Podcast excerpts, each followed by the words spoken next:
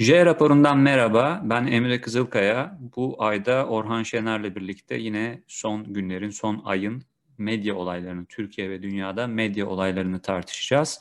Yani bu ay aslında Türkiye'deki medya olayı neydi diye bakınca çok fazla ikinci bir aday akla gelmiyor diye düşündük Orhan'la birlikte. E, nedir o? Özellikle e, suç örgütü lideri Sedat Peker ile ki kendisi bana suç örgütü lideri demeyin katil deyin diyor katil Sedat Peker de denilebilir diye düşünüyorum. Kendisi öyle istiyor. Ama hukuken sonuçta hüküm giydiği için Sedat e, suç örgütü lideri Sedat Peker demek daha doğru herhalde gazetecilik açısından. Ve karşısında da daha çok İçişleri Bakanı Süleyman Soylu e, Peker'in YouTube'da bir dizi video üstünden eleştirdiği, en çok eleştirdiği isim. E, ama onunla birlikte başka birçok e, hükümete yakın e, ismi de eleştirdi ve çeşitli iddialar ortaya koydu Peker. Ee, ve bir medya olayı haline geldi bu. Sadece YouTube üzerinden milyonlarca izlenen Peker videolarıyla değil, aynı zamanda geleneksel medya, televizyon, e, özellikle Soylu'nun katıldığı Habertürk'teki canlı yayın e, ve tüm bunların neredeyse merkezinde yer alan bir dizi gazeteci çerçevesindeki tartışmalar aslında ayın tartışmasız medya olayı haline getirdi bu konuyu ve hala da süren bir konu. Dünyada ise neden bahsedeceğiz? İsrail'in Filistin'e, e, Gazze'ye yönelik askeri operasyonu, Hamas'ın attığı roketler ve bu savaş içerisinde yeni e, muharebeler içerisinde diyelim daha doğrusu İsrail'in bir medya merkezini, e, Gazze'deki bir medya merkezine haber verdikten sonra bombalayarak yıkması bu da dünyadaki önemli medyaya dair önemli gelişme olarak öne çıktı. Yani bu ay böyle dijital platformlar gibi konulardan ziyade böyle doğu, doğu siyasetle oldukça içli dışlı iki konudan bahsedeceğiz. Önce Orhan'a sormak istiyorum. Peker konusu, e, Peker soylu tartışması. E, şu ana kadar e, biz bu yayını yapana kadar yayınlanan Peker tarafından yayınlanan 7 tane uzun video vardı. Her biri bir saat ve bir saatin üzerinde bazıları. Bunlar 5 milyon, 6 milyon, 7 milyon son yayınlanan 14 milyon izlenmişti sadece 3 gün içerisinde. Bir yandan Süleyman Soylu İçişleri Bakanı Habertürk yayını herhalde açık ara son dönemin en yüksek rating alan yayınıydı. Ee, bu tartışmaları sen medya tabii hani burada işin bir sürü boyutu var. Hukuki boyutu var. Orada bir sürü iddia var. Siyasi yansımaları var bunların. Ee, biz burada siyasi bir değerlendirme yapmayacağız. Bu e, J raporunun sonuçta odak noktası medya. Ee, fakat gazetecilik ve medya anlamında Orhan sen bu tartışmada ne gördün? En çok aklında kalan, en çok dikkatini çeken ne oldu? Şöyle diyebilirim zannedersem. E, Dennis the Menace filmi vardı bilirsin işte e, yaramaz çocuk Afacan Deniz herhalde. Orada böyle bunun bir komşusu var, e, emekli bir adam. E, işte 40 yıldır yetiştirmeye çalıştığı bir çiçek var. 40 yılın sonunda bir dolunayda 3 saniye kadar o çiçek açacak. Ama işte Dönüş o sırada böyle bir yaramazlık yapıyor. O çiçeğin açışını göremiyorlar. Bizde medya durumunda biraz böyle böyle iki senede bir falan küçük böyle bir medya böyle bir medya varmış gibi oluyor. Ucundan bir şeyler yakalıyoruz. Hani e, işte iki sene kadar önce de e, Binali Yıldırım'la İmamoğlu arasındaki işte yani biz çoğumuzu da tatmin etmeyen aslında gene benzer bir şekilde şeyin açısını göremediğimiz bir an yaşanmıştı. Yani ama gene de medya açısından şöyle belki küçük bir e, görece olumlu an olarak okuyabilirim.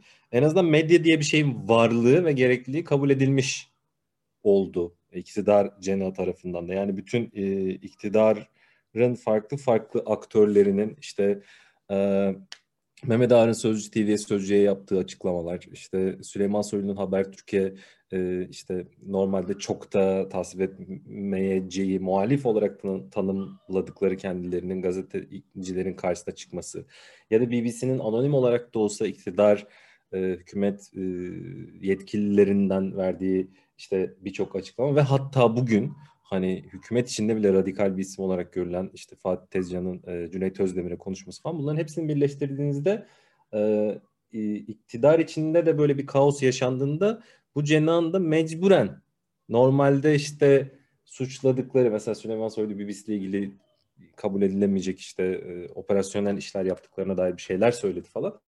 Normalde şeytanlaştırdıkları medyaya ihtiyaç duyduklarını görüyoruz. Birincisi bu.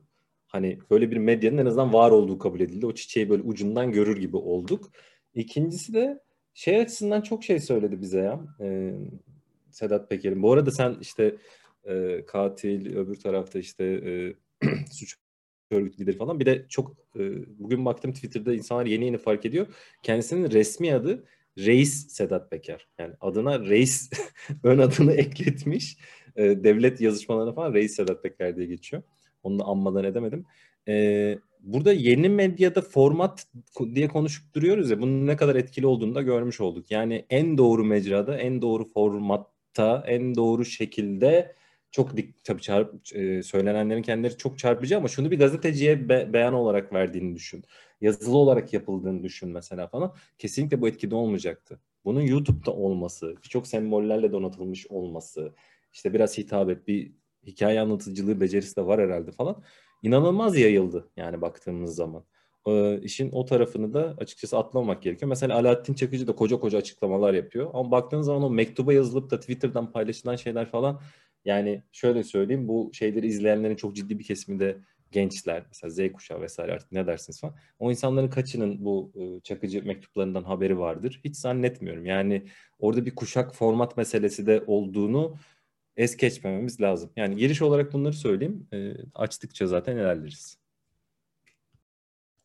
Evet. E, tabii şeyden de yani bana sorarsan böyle aklımda kalan tüm bu tartışmanın ortasında gazeteciliğe, medyaya dair en önemli ne var ve en ilginç aynı zamanda ne var diye. Aslında Sedat Peker'in YouTube videolarıyla Süleyman Soylu'nun te, önce TRT sonra Habertürk'ten geleneksel medya üstünden verdikleri cevapları hem içerik hem de bu mecralar açısından karşılaştırmak bile e, ilginç. E, hem de çektiği ilgi açısından ilginç. Sedat Peker biliyorsun 5. videosunun başında çok sosyal medyada da bunun geyiği yapıldı. Namusu maaşı kadar olan gazeteciler siz de orada mısınız? Tamam onurlulara lafımız yok demişti. Başında böyle yoklama yaparak herkese. Bir sürü gazetecinin ismi geçti tüm bu. Mesela Soylu'nun yayınında da Habertürk yayınında da Esenyurtlu bir tane gazeteciden bahsetti. Açıkçası takip etmiyorum bu tartışmayı çok yakından. Kim olduğunu falan da tanımıyorum. Yani Esenyurtlu, Esenyurtlu bir gazete... kısmı önemli bu arada fark ettin mi? İktidar cenahında da Sedat Peker'de de birinden bahsederken nereli olduğu mutlaka söyleniyor mahallesine kadar. Tabii Rizeli, yani Esenyurtlu falan. Evet yani. bu bizim için böyle uzak oluyor ama herhalde bu cenahta böyle bir o meşrep sorgulama iş o kadar önemli ki mahalleye kadar veriliyor her zaman.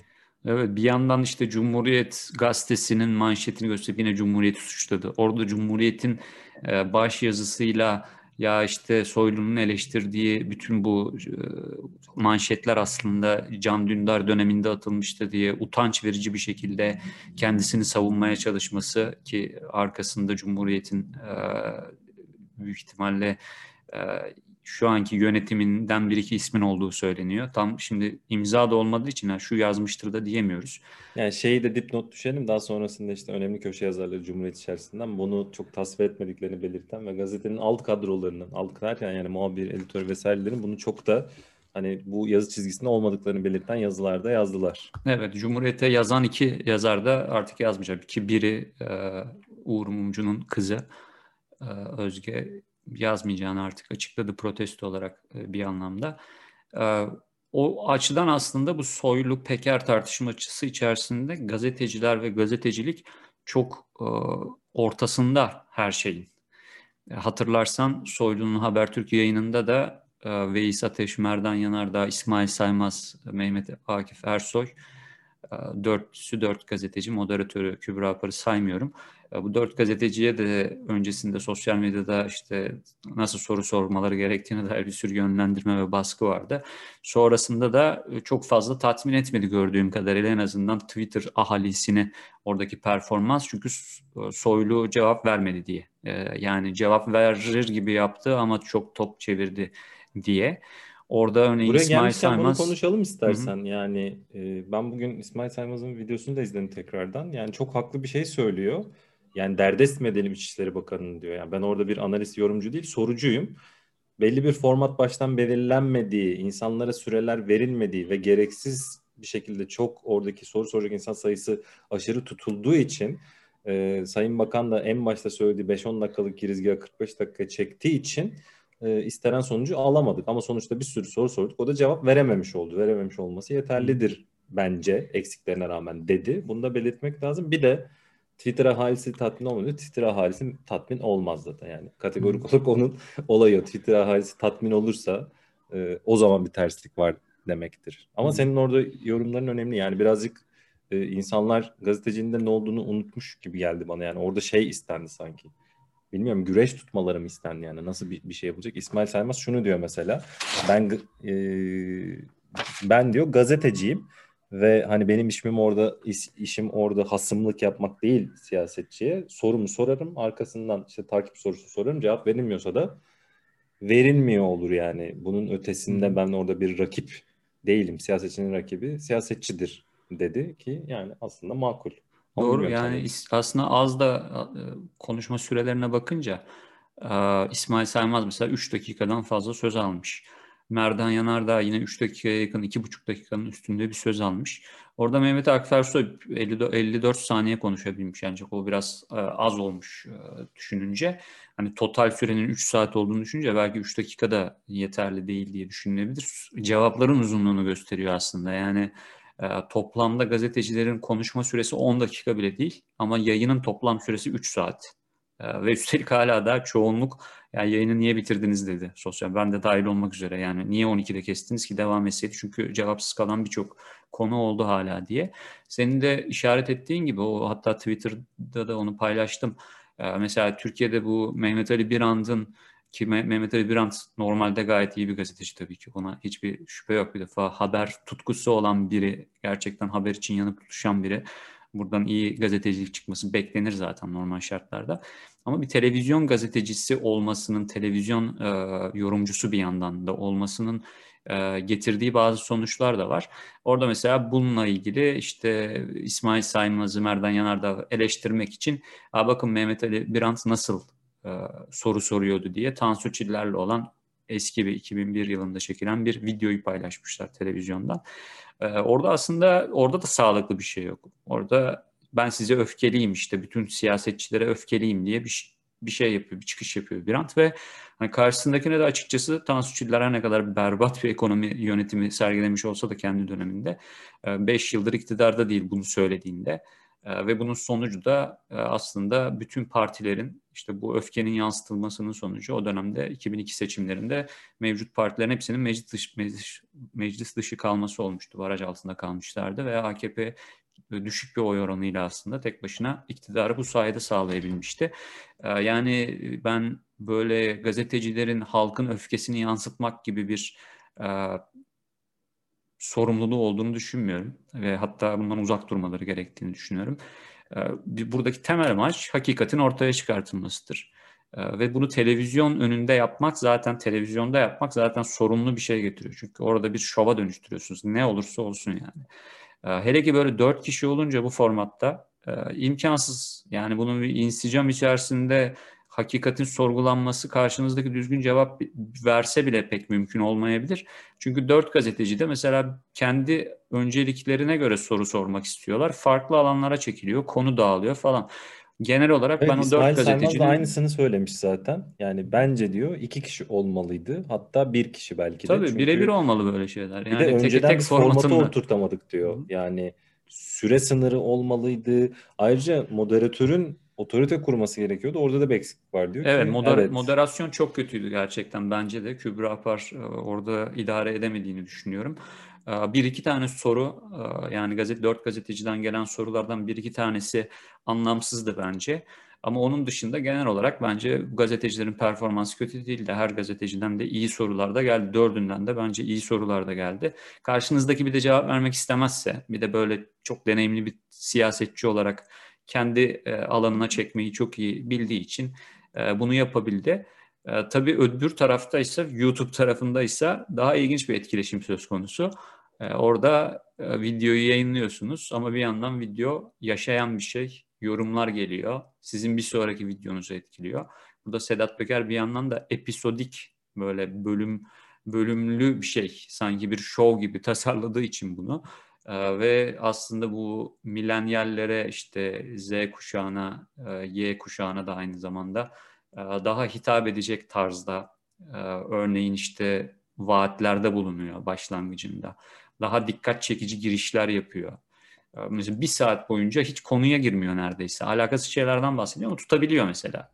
Yani dikkati tutabiliyor çünkü bir vaadi var. Yani ben bir şeyler açıklayacağım vaadi var. Bu tabii hani kalıcı bir şey değil bu arada. Bunu Sedat Peker şey YouTube fenomeni olarak böyle e, ortaya çıkmış biri değil. Mevcut siyasi konjonktür içerisinde insanlar bir şeyler açıklayabileceğini düşündükleri için e, bu videoları izlemeye devam ediyorlar siyasi beklentilerle çoğu. E, son bu konuda söylemek istediğim şey var mı? Ya orada bir gazetecilik tanımıyla ilgili bir şey söylemek istiyorum. Benim tezimin de konusu. Yani gazeteciliğin teknik tanımı değil de gazeteciler kendilerini nasıl tanımlıyorlar? Mesela İsmail Saymaz'ın şu sözlerini ben not ettim. Şöyle diyor. Ben gazeteciyim, tribün lideri amigo değilim, aktivist değilim. Kendi siyasi görüşüm var ama ben gazeteciyim. Bu benim mesleğim. Siyasetçiler bizim hasmımız değil diyor. Bunlara katılıyorum. Aktivist değilim kısmı özellikle önemli. Ama mesela Fatih Tezcan bugün Cüneyt Özdemir'le yaptığı konuşmada e, gazetecilik e, falan bunlar iyi güzel ama bir yandan da asıl gazeteci olarak ben fitne fesatı önlemeye çalışıyorum. Ya da işte e, sahada doğrudan elimde silahla 15 Temmuz'da mücadele ediyorum. Böyle bir gazeteci var mı dünyada diyor. Yani şimdi ya da öbür tarafta baktığınız zaman işte e, Peker'le neden görüştüğü e, söylenen Hadi Bey, Bey ne dedi mesela? Ben orada gazetecilik faaliyeti yapıyordum.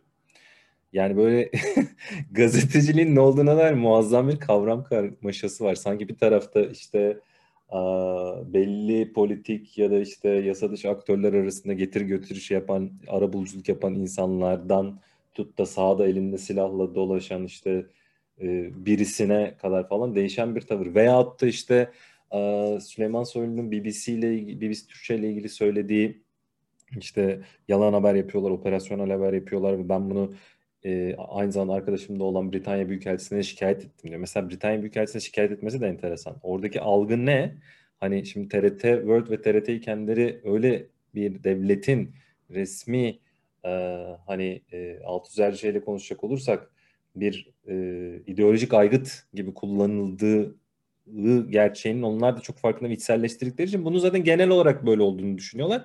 Karşı tarafı da aynen bununla suçluyor. Yani BBC mükemmeldir falan demiyorum ama en azından BBC'ye sorsan o onu kabul etmez. Ama Türkiye'de mesela TRT World'de çalışan birisine sor ya da TRT'de bence bilmiyorum ama yani çok büyük bir çoğunluğu biz devletimizin hizmetindeyiz diyecektir. Yani hiç zannetmiyorum aksine söyleyecekler. Burada gazetecilik nedir, gazeteci ne yapar konusunda daha temelde kavramda zaten bir sorun olduğunu görüyorum ben. Son olarak bunu söyledim. Evet ben de e, biraz önce değinmediğim bu konu önemli onu mutlaka değinmek lazım da aslında. E, Süleyman Soylu Peker'in iddiaları içerisinde öldürülen faili meçhul gazetecilere dönük de birçok bilgi ve iddia vardı diyelim. Ee, Uğur Mumcu'dan da bahsetti, Kutlu Adalı'dan da bahsetti. Kıbrıs'ta KKTC'de öldürülen. Hatta Kutlu Adalı cinayetinden çok daha somut ve yeni bir iddia ortaya koydu. Kendi kardeşinin de aslında o suikast girişiminin başlangıcında içinde yer aldığını söyledi. Hatta üzerine de zaten kardeşi gözaltına alındı. Sonra, sonra serbest bırakıldı. Şimdi bu konular sorulduğunda genellikle ya ben bilmiyorum o benim alanımda değil. Çünkü biliyoruz ki iktidarın içerisinde de cepheleşmeler, gruplaşmalar, hizipleşmeler var. Soyluyu sevmeyen AKP'liler söz konusu, gitsin isteyenler söz konusu. Şu Adalet Bakanlığı'yla da arasının iyi olmadığı Adalet Bakanı'yla Soylu'nun söyleniyor. Top, böyle konularda topu genellikle ya orası benim alanım değil diye hep başkasına atan Türkiye'nin İçişleri Bakanı o yayın sırasında BBC Türkçe'den şikayet etmek için, dezenformasyon kaynağı demek için e, İngiltere İçişleri Bakanı'na telefon ettiğini, defalarca telefon ettiğini söyledi. Yani e, bu da inanılmaz bir e, sorumsuzluk örneği bir devlet görevlisi açısından. Kendi vatandaşın öldürülmüş, gazetecilerin öldürülmüşken o alanda şu an hiçbir şey hala yok. Doğru düzgün bir soruşturma yok. Bunu ortaya atan kişinin o kardeşi serbest bırakılmış. Yeterince sorgulanmamış o güne dair iddiaları. Ee, ve böyleyken siz gidiyorsunuz BBC Türkçe'den şikayet etmek için İngiltere e, İçişleri Bakanı arayacak zamanı bulabiliyorsunuz örneğin. E, bu da önceliklerin nerede olduğunu gösteriyor aslında hükümetin temsilcileri açısından. E, bir de şuna değinmek lazım. Tabii işte bahsettiğin konu Hadi Ulu Hadi pardon Özışık Hadi Ulu Engin'i gereksiz almış oldum böylece. Hadi Özışık ve kardeşi kardeş. Süleyman Özışık gazeteci oldukları iddia edilen diyeyim yani olduklarını iddia eden diyelim. Şimdi Hadi Özışık'ın gazetecilik yani muhabirlik geçmişte olduğu için e, sonrasında ne yaptığından bağımsız olarak gazeteci denilebilir.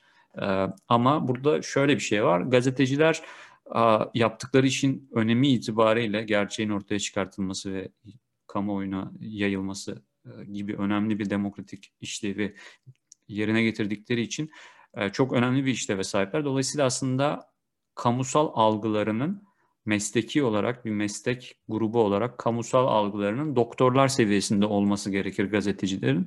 Ama şu anda minibüsçüler seviyesinde veya taksiciler seviyesinde hani gazeteci denilince kötü bir şey gibi e, algılanmaya başladı. İşte bu tür tipler Ben taksici yüzünden... olsam şimdi sana dava açardım mesela. Yani e, imajlarının iyi olduğunu iddia ediyorlarsa taksiciler kanıtlarını gösterebilirler. Ben kötü o kadar da kötü dair... değiliz diyebilirler. Evet yani gazeteciler kadar kötü değiliz ya o kadar da yapmayın diyebilirler belki bilmiyorum. Ee, bir de işin medya e, işi tarafına dair, e, gelir tarafına dair iki notla kapatmak istiyorum e, bu konuyu Sedat Peker ve Süleyman Soylu konusunu. Sedat Peker YouTube yayınlarına şey, reklam almıyor biliyorsunuz. Çok milyonlarca e, izleniyor. Herkesin kullanımına da açıyor. Tekrar paylaşabiliyorsunuz. Evet tekrar paylaşımı açıyor. Bir tabii şey yani sonuçta bir suç örgütü lideri olarak e, propaganda amacıyla kullandığı için aslında e, beklenebilir bir şey ama hani reklam alsa oradan para da kazanabilirdi ama YouTube acaba ne yapardı? O parayı keser miydi? Çünkü demonetization diye bir şey var. Yani geliri kesebiliyor YouTube bu tür içeriklerde. Bu tartışılabilir. İkincisi burada YouTube'un ben de geçenlerde bir tweet atarak yanlış bir tweet attım aslında. Dedim ki ya YouTube'un sayf ana sayfasına girdiğinizde orada trend videolar vardır. Trend videolarda bu Sedat Peker'in videolarından çok daha az izlenen mesela son videosu 15 dakika içerisinde 200 bin izlendi. Yani 15 dakika içinde 200 bin Rihanna falan ancak izlenebiliyor. Mutlaka o listeye girecek kadar büyük bir oran ama giremedi mesela. Ee, YouTube acaba sansür mü yapıyor diye sor. Acaba değil sansür yapıyor diye attım. Yanlıştı. Çünkü e, orada Mahmut e, pardon e, arkadaşımız Batuhan İçöz e, dedi ki ya orada bir kara liste söz konusu değil YouTube açısından beyaz liste söz konusu. Yani ne demek bu? E, belli yayıncıları kara listeye sonradan alalım gibi bir şey olmuyor. O listeye girecek olanlar zaten önceden belli.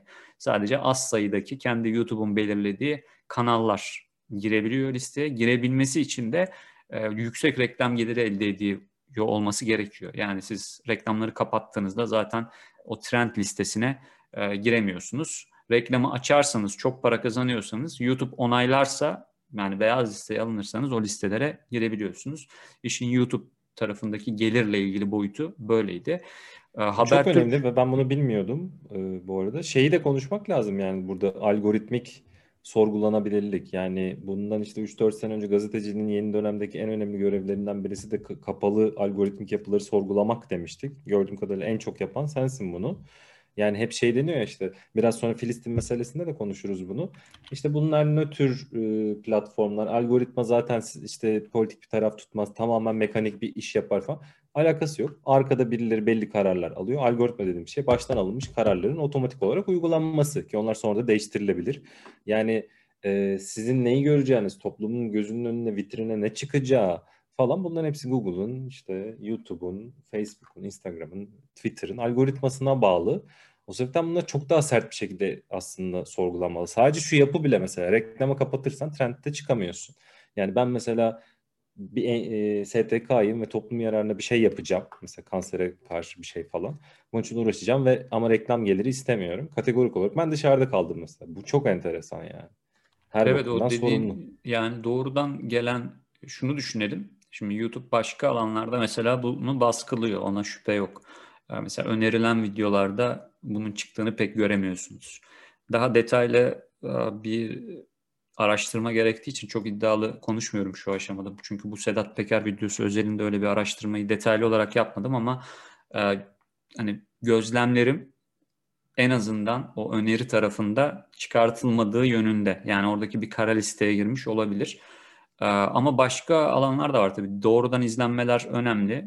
Zaten bu izlem bunun hani bu kadar yüksek e, sayılara ulaşması o açıdan çok şaşırtıcı. Çünkü geri kalan bütün alanlarda, dolaylı alanlarda baskılanırken tamamen neredeyse tamamen doğrudan izleyenler, doğrudan gelenler, direkt trafik yani. Bu anlamda daha da ilginç. E, trend listesinde böyle bir sansür uygulaması olmasa da önerilerde böyle bir şey olabilir gibi görünüyor şu an için. E, bir de arama sonuçlarında çıkması var. Mesela orada bir sansür şu an için yani dün baktığımda yoktu. Yani arandığında çıkıyordu. E, aramada çıkmak YouTube'da çünkü YouTube aslında Google'dan sonra en büyük arama motoru dünyanın. Çok çok önemli trafik kaynağı olarak.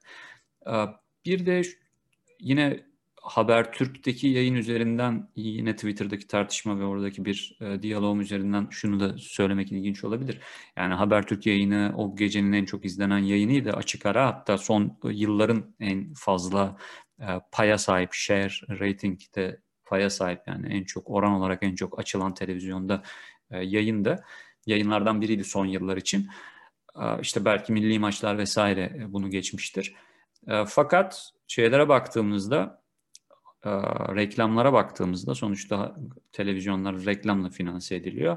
Yayın boyunca, yayın öncesi, yayın sonrası ve yayın sırasında çıkan e, reklamlar çok düşük ma, e, düşük e, fiyatlı, düşük ücretli gibi görünüyordu uzaktan bakıldığında. Çünkü büyük markalar yoktu bunların içerisinde. Yani işte e, en e, prestijli ve büyük markaları burada görmedik. Kebir peynir falan vardı mesela.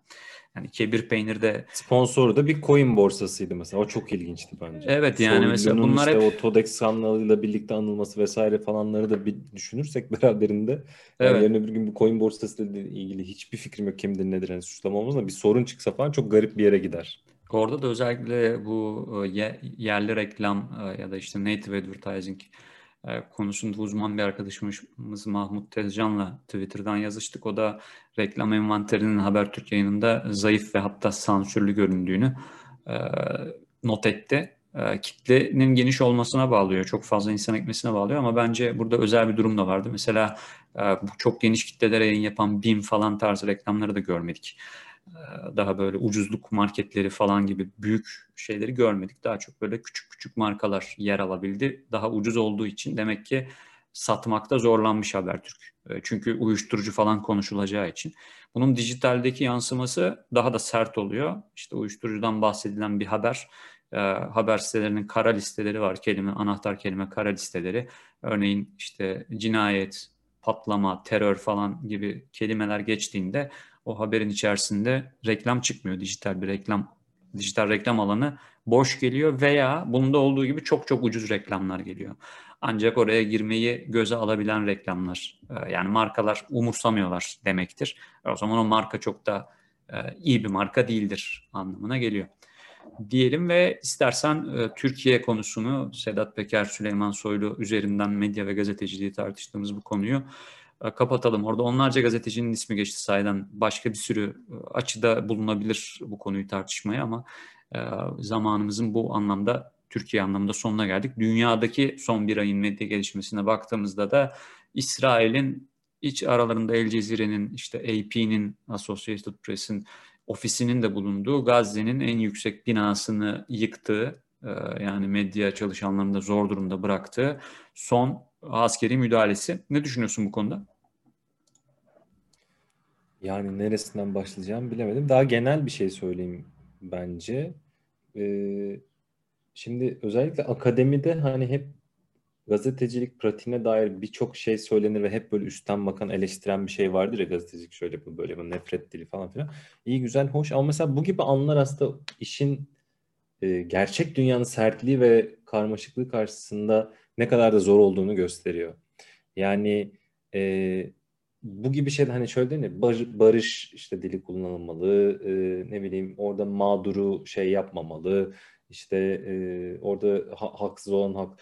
Bu kadar ama iç içe geçmiş grift bir konu olan İsrail-Filistin meselesinde hani bunların uygulamanın ne kadar zor olduğunu da görüyoruz. Çünkü e, çok fazla aktör var ve her birinin kendi çıkarları var. Bu çıkarlar doğrultusunda da e, ne gerekirse yapmaya herkes hazır. Yani tek bir örnek vereyim mesela çok genelden spesifiye gidelim.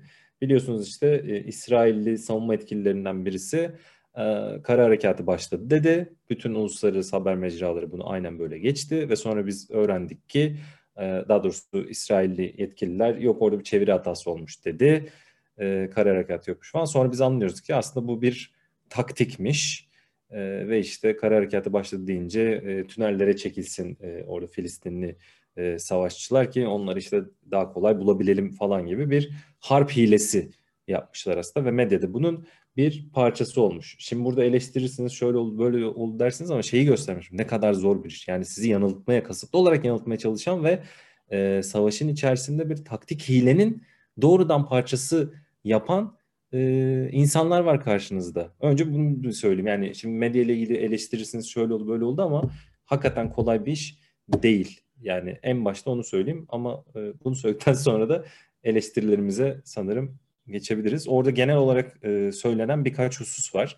Bir, e, dünyada genel olarak bundan önceki e, Filistin'in tekrar tekrar gündem olduğu meselelerin aksine sosyal medyanın çok çok güçlü olduğu bir dönemdeyiz. Sosyal medya influencerlarının e, kamusal söylemi domine ettiği bir e, dönemdeyiz. Bu sebepten de şeyi gördük. Öncelikle ABD'de işte demokratların özellikle belli bir kesiminin bu konuda eski iktidarlara, eski Demokrat Parti yönetimlerine ve genel olarak ABD'nin geneline nazaran daha farklı bir tavır alması, İsrail'i çok daha az desteklemesi ve çok daha fazla eleştirmesi sebebiyle sosyal medyada da bunun yansımasını gördük. Özellikle Filistinli ünlüler, influencerlar özelinde. Birincisi bu. İkincisi sosyal medyada büyük platformların, mecraların Filistin lehine en azından ya da İsrail aleyhine olan içerikleri sansürlediği iddiaları.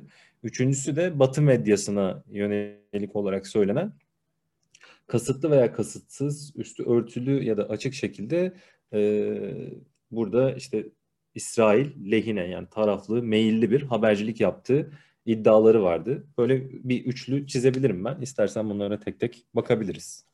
Evet yani bunu ben İpek Yezdani'nin yayınında da söyledim. Aynı girişle başlamak istiyorum. Aslında İsrail hükümeti ne yönelik çok daha sert eleştiriler yapabilirim. E, yapmak da gerekiyor ve hak ediyorlar da. Ama bundan biraz şunun için imtina ediyorum. İsrail olduğu için değil veya herhangi bir başka nedenle değil. Tamamen şunun için. Türkiye'de yaşayan Yahudi vatandaşlarımız öncelikli olarak aklımda. Çünkü aynı İsrail'de olduğu gibi İsrail'de o Mescid-i Aksa yanarken aşağıda ağlama duvarının önünde kutlama yapan, İsrail bayrakları sağlayan, sallayan meczuplar, dinciliğin bir başka ucundaki zararlı insanlar diyeyim. Türkiye'de de dinciliğin öbür tarafında var örneğin veya milliyetçiliğin öbür tarafında var.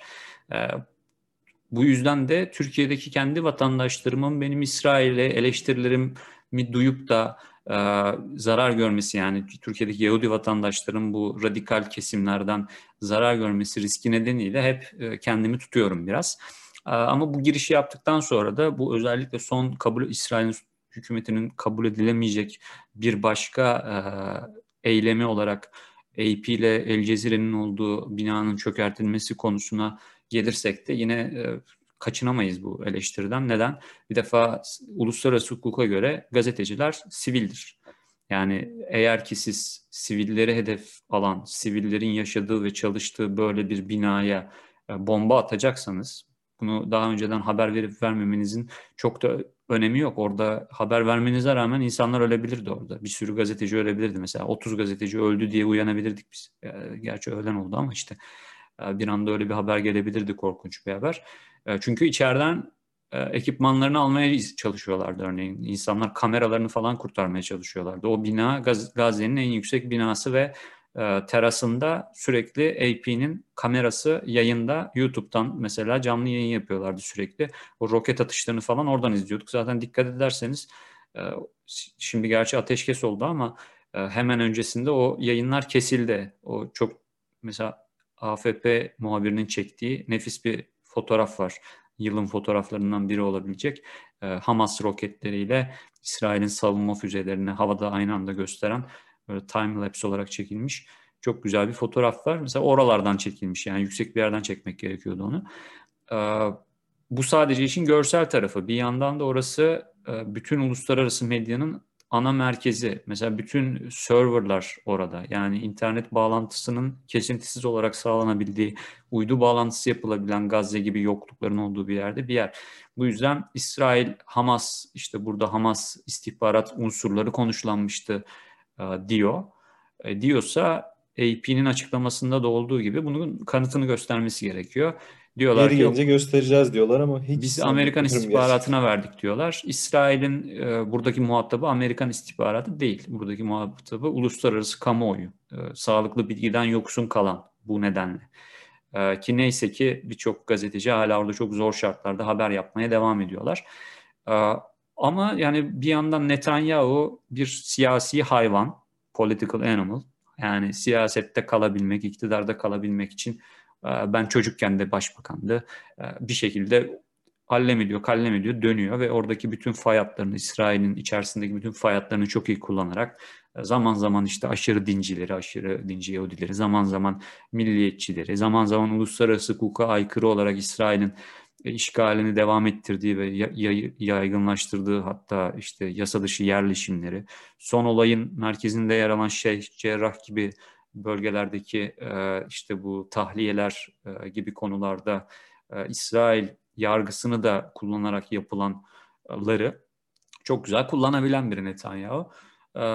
Onu yani ortada bu varken evet çok eleştirilmeyi hak eden e, bir cephe İsrail tarafı ama öbür tarafa bakıyoruz. de sorgulanmalı bu arada. İki senedir hükümet kuramayan gerçek anlamda aslında ülkesinin lideri olmayan birinden bahsediyoruz. Öyle ama öbür tarafa bakıyorsunuz yani e, öbür tarafta da Hamas var işte El Fetih var yok İslami cihat falan var. Öbür tarafta da benim aklıma şey geliyor ben buna sadece uluslararası hukuk açısından ve uluslararası gazeteciliğin e, güvenliği ve niteliği açısından bakıyorum. 2007 yılında mesela ben o zaman dış haberler muhabiri oldum, dış haberler editörü olduğum için bunu e, bölgeden gelen, uluslararası ajanslardan gelen haberler üzerinden kendi muhabirimiz yoktu Gazze'de ama e, yapmıştık. Sonrasında da ben aslında gittim de Gazze'ye de gittim, Doğu Kudüs'e de gittim. E, oradaki çeşitli bir sürü gazeteciyle beraber yaptık bunu. Şu anda hala işte televizyonlarda çalışan özellikle gazetecilerde. O dönemde 2007'de hatırlayanlar hatırlar e, Gazze'de bir iç savaş oldu aslında. Daha doğrusu Filistin'de bir iç savaş oldu. Filistin'in farklı siyasi grupları çatıştı. Ve e, Gazze'de Hamas kazandı. E, şeyde El Fethi'ye bıraktılar gibi bir durum oldu Batı Şeria'yı da. Gazze'de Hamas nasıl kazandığını hatırlayalım. O yüksek binalardan, şimdi biraz önce İsrail'i neden eleştirmemize neden olan yüksek binalardan Hamasçılar el fetihçileri attı. Mesela o dönemde işte Mahmut Abbas'ın aşçısını falan şeyden attılar. Binadan attılar. Sonra bunu mesela şeyde Suriye'de de gördük mesela. Suriye'de de işte hem e, Esadçılar hem de Esad karşıtları hem Şebiha hem de e, ÖSO yine yüksek binalardan insanları atarak öldürdüler. Yani bunların e, şeye Mısır'da uluslararası hukuka İnsan haklarını evet bu Orta Doğu'ya Orta Doğu'ya özgü bir şey herhalde. Yani bir tek buralarda oluyor. Bilmiyorum belki Meksika'da falan da oluyor olabilir. Orada da uyuşturucu kartelleri yapıyor olabilirler. Tek Ama Cumhuriyeti'nde şekilde... bir lider başbak ne o? Bunlar krallarını 3-4 kez atmışlar ya camdan. Hatta İngilizce'de camdan insan atmak fiili var. Şimdi unuttum ne olduğunu ama. Evet bir de şey kamyonun altına atmak var ama o başka bir şey değil mi? yani sonuçta hani El Fethi ile Hamas Gazze'de 2007'deki o iç savaş sırasında bunlara girişti. Başka ne olmuştu hatırlayalım. Bir gün 2007'de bu İnsan Hakları İzleme Örgütü'nün o günkü raporlarına bakarsanız görebilirsiniz 2007'deki raporlarına. E, bu raporlarda da aslında Filistinli grupların kendi iç çatışmaları sırasında işledikleri suçları, savaş suçlarını ele alan e, bir şey. E, bir tanesinde de şöyle olmuştu. Silahlı Filistinliler ki bunlar İslami cihat ile ki İslami cihat Hamas'tan ve şeyden El Fetih'ten ayrı bir grup ee, bir de El Fethi'ye bağlı olan, e, ona ilişkili olan El Aksa şehitleri Tugay'ı ee, bir şeyin üzerine, e, cipin üzerine, bir otomobilin üzerine e, TV yazarak İsrail askeri güvenlik noktasına saldırmıştı. Ateş açarak saldırmışlardı, vurulmuşlardı.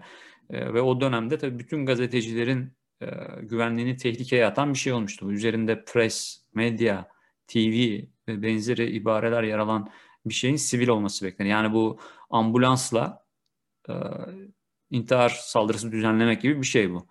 E, savaş hukukuna da aykırı, insan haklarına da aykırı, her şeye aykırı. Yani bir tarafta işte böyle örgütler var. Bakın sadece Hamas da değil yani işin içerisinde El Fetih'te girmiş, İslami Cihat'ta girmiş. E, bir tarafta da İsrail var. Yani net hani yukarısı bıyık aşağısı sakal gibi bir durum var. O arada kalan da işte işini yapmaya çalışan gazeteciler oluyor. Binaları yıkılan, e, şartları daha da zorlaşan ki Gazze zaten bu abluka nedeniyle elektriğin bile yıllardır elektriğin doğru düzgün verilemediği bir yer. E, bu yüzden tek çare uluslararası kamuoyunun kendi devletlerine de e, baskı yaparak hem İsrail hem de Filistin'deki iktidar üzerinde daha yoğun bir baskı oluşturup burada e, kalıcı bir çözüme, insan haklarına ve gazetecilere saygı gösterecek, saygı gösterecek bir çözüme ulaşılması deyip ben bitireyim. Sen de son sözlerini alabilirsin. Yani sen zaten olayın e, uluslararası e, ilişkiler, real politik tarafını çok güzel anlattın. Onun üstünde çok söylenecek bir şey yok. Belki dile dair bir şey söyleyebilirim burada. Yani bir dünyada. Bunu Jacobin'de okudum biliyorsun. Amerikan sosyalistleri diyelim. Ya da Amerikan komünisti diyelim. Onların yazdığı bir şey var ama genel olarak aslında doğru. Yani biraz temkinli yaklaşıyorum onun yazdıkları şeyler ama makul. Dilden bahsederken yani bu çok enteresan hakikaten. BBC falan da hani içselleştirmiş olarak bunu böyle yapıyor. Aslında e, yapılan bu özellikle İsrail tarafının saldırganlığını e, fazlasıyla meşrulaştıran bir dil var alttan alta fark etmeniz. Yani bu Foucault'un falan hep dediği o ideoloji ya da Zizek falan hep diyor ya ideoloji öyle bir sirayet eder ki sen fark edemezsin bile. Yani mesela e, İsrail'in işte e, bu Iron Dome füzelerinden, savunma füzelerinden bahsederken hep şöyle söyleniyor. İşte El Fetih'in ya da işte Hamas'ın e, İslam Cihat'ın attığı e, roketlere e, işte karşılık olarak e, havalanan füzelerden bahsediliyor. Yani tamam bu otomatik savunma sistemi vesaire ama yani burada hep şunu veriyorlar. Bir sebep var. Sebep nedir? Burada Filistinlilerin attığı o roketler bunları tabii ki savunma amacıyla bizim e, füzelerimizde işte İsrail füzeleri de gidiyor. Bunları yakalıyor. Bir kere bu hani etki yani e, etki tepki meselesini oradan kurguluyor. İkincisi de işte hedefler e, etkisiz hale getirildi, nötralize edildi falan. Biliyorsun hani Türkiye'de de güvenlik dilinde hep kullanılan bir şeydir. Ortada bir sanki insan yok. Hani ölenler insan değil. Ama öbür tarafta e, saldıranlar da aslında bunda bir öznesi yok. Yani doğal bir şey. Bu bir, bir şiddet eylemi var. Bu kendi kendine bir doğa olayı gibi gerçekleşiyor. Gerçek insani kayıplardan biz bahsedemiyoruz bir de. O dil tarafına gerçekten bir sıkıntı olduğu muhakkak. E, Batı medyası gene çok eleştirildi. Türkiye'de zaten çok eleştirildi. Bu tamam bunlara hak veriyorum. Ama şunu da atlamamak lazım. Benzer şekilde Türkiye'de de e, işin hani gerçekten tek taraflı bir yayın yapıldı. Yani işte mesele özellikle ümmet çizgisine çekildi. Dışişleri Bakanı durmadan ümmet laflarını kullanması. Yani bu dünyayı böyle bir e, Darül İslam, Darül Harp gibi ikiye böler. Bütün dünyada yaşanan her şeyi, real politik okumayı falan işte iyilerle kötüler, e, burada iyiler doğu, kötüler batı ya da İslam, onun karşısında Judeo-Hristiyanlık falan. Böyle bir şey koyarsanız zaten hani ki karışık meselelerde insan zihni zaten o kompleksliği algılamaya çok müsait değil. Hemen kimlik üzerinden okuyor. E ben bu taraftayım o zaman bizim taraf haklıdır. Yani burada şimdi e, meselenin tabii ki Filistin halkının çektiği buradaki işte o zulüm, ölen çocuklar vesaire bu, burası zaten böyle ama Türkiye'de hakikaten hani baktığınızda sanki şey e, hiç atılan roket yok. Böyle bir şey kesinlikle hani zaten laf edilmiyor. Edilirse de sadece bir zafer nidası ediliyor. Sadece diğer tarafı görüyorsunuz. Yani Türkiye'den baktığınızda da bambaşka bir çizgi var.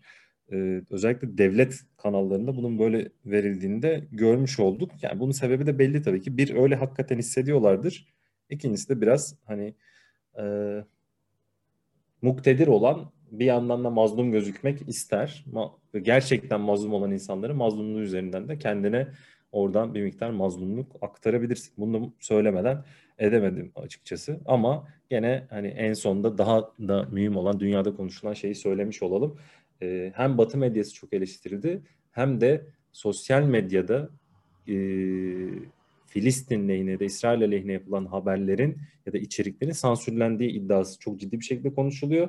Türkiye'de hatta bugün gördüm e, GZT editörleri biliyorsunuz Yeni Şafak'ın dijital alt platformu Filistin'le ilgili koydukları içeriklerdeki altyazılarda Filistinli lafının geçtiği yerde terörist olarak otomatik olarak dönüştürdüğünü iddia ettiler. Bilmiyorum bu gerçek mi ama gerçekse gerçekten çok enteresan bir durum var ortada. Ee, bunu da söylemeden edemedim. Evet o zaman e, ben de kapatırken iyimser bir tonla kapatayım. Hani bir yanda Sedat Peker, Süleyman Soylu tartışması, bir yanda işte İsrail, Filistin ve oradaki gazetecilik. Ee, bir yandan çok sorumlu, her iki tarafta da çok sorumlu gazetecilik örnekleri de var. Ee, gazeteciliğin kötü bir şekilde anıldığı örnekler de var. Ee, ama son tahlilde yıl 2021 işte ortasındayız 2021'in ve aslında gazetecilik tüm bu olaylara gazeteciler e, damga vuruyor. Yani tüm bu insanlar İsrail hükümeti de olsun, Hamas da olsun, Süleyman Soylu da olsun, Sedat Peker de olsun gazetecileri bir şekilde öne çıkarmaktan, gazetecileri anmaktan e, kaçınamıyorlar. Bence daha kötüsü şu olurdu. Yani bu kötü bazı durumlarda kötü de anılıyor olsa gazeteciler o Hadi Özışık örneğinde olduğu gibi e, daha da kötüsü şu olabilirdi. Gazetecilerin hiç anılmadığı ve ortadan tamamen kaybolduğu ve dijitalleşmeyle birlikte e, zaten mesela Sedat Peker birebir YouTube'da hitap ediyor değil mi? Ne gerek var ki artık gazetecilere? Veya Süleyman Soylu da aynı şeyi yapabilirdi.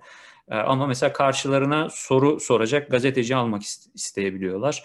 Ee, hiç sevmeseler de siyasi olarak mesela hiç tasvip etmeseler de bazı gazetecilerin iş ahlakına saygı duyduklarını söyleyebiliyorlar örneğin. O yüzden gazetecilerin hani İngilizce relevant hala e, gerçekle Alakalı. alakadar olması, e, gerçekle bir bağının olması bu anlamda olumlu diye düşünüyorum. Çok teşekkürler Orhan Şener'le birlikte.